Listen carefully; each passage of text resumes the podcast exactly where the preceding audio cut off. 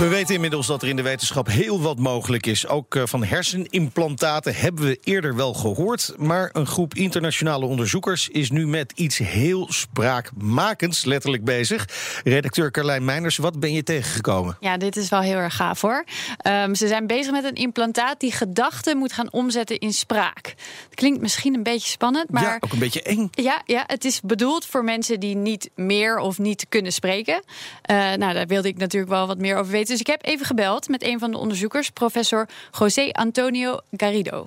What we want to do in this project is basically be able to map uh, brain activity in regions of the human brain which are related to the to the speech.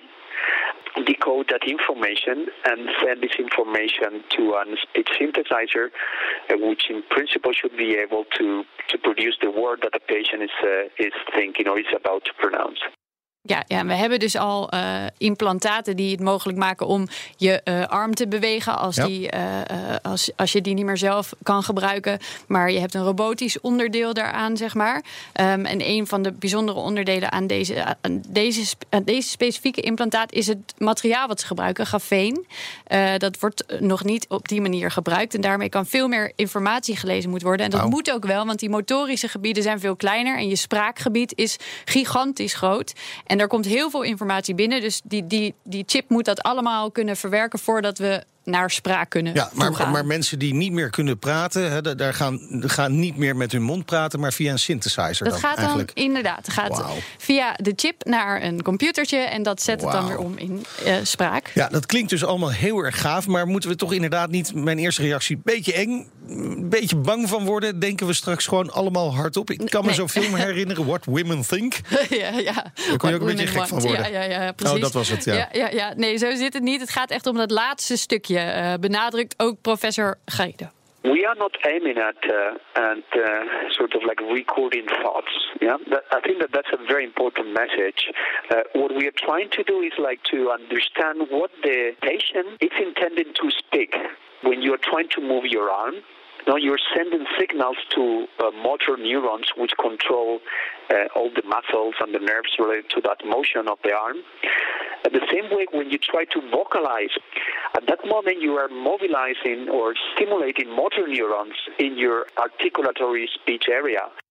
Ja, het gaat dus echt om als je al bedacht hebt welk ja. woord je wil gaan zeggen, dat laatste stukje, dus niet alle gedachten daaromheen, maar echt het, het vormen zeg. van dat woord, daar, daar richten ze zich op. En we hebben in Nederland ook indrukwekkende resultaten geboekt uh, op het gebied van hersenimplantaten. Al doen we niet mee aan dit specifieke onderzoek. Uh, we hebben verslaggever Harmer van der Veen wel even langsgestuurd bij Erik Arnoudse, onderzoeker in het hersencentrum in Utrecht, om eens te peilen hoe zij over deze nieuwe uh, implantaat denken. Wij zijn altijd op zoek naar uh, nieuwe materialen, nieuwe innovaties om meer informatie uit de hersenen te halen.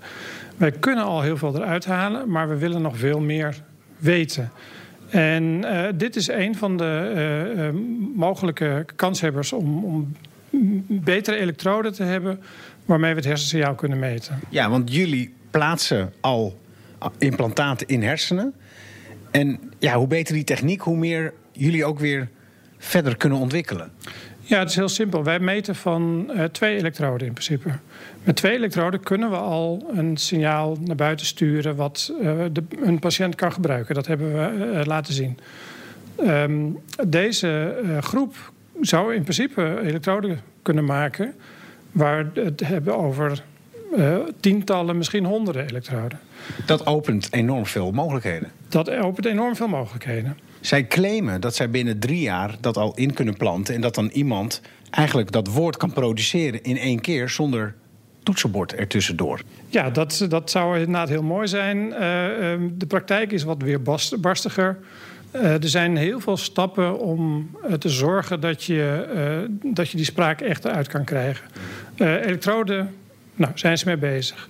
Implanteren um, bij mensen, dat vereist nogal wat tests die wettelijk voorgeschreven zijn. En het belangrijkste is het decoderen van het brein, dus het uitzoeken van uh, welke informatie uh, heb ik nodig om bepaalde woorden bijvoorbeeld uit te halen.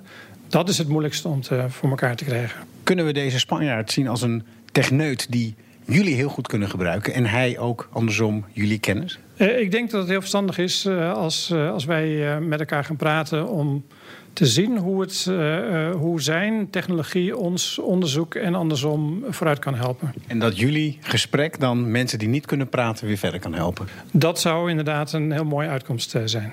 Wauw, te gek. Als dat gaat lukken. Dankjewel Carlijn Meinders en Jorde Harmen van der Veen... in gesprek met Erik Arnoudsen van het Hersencentrum Utrecht.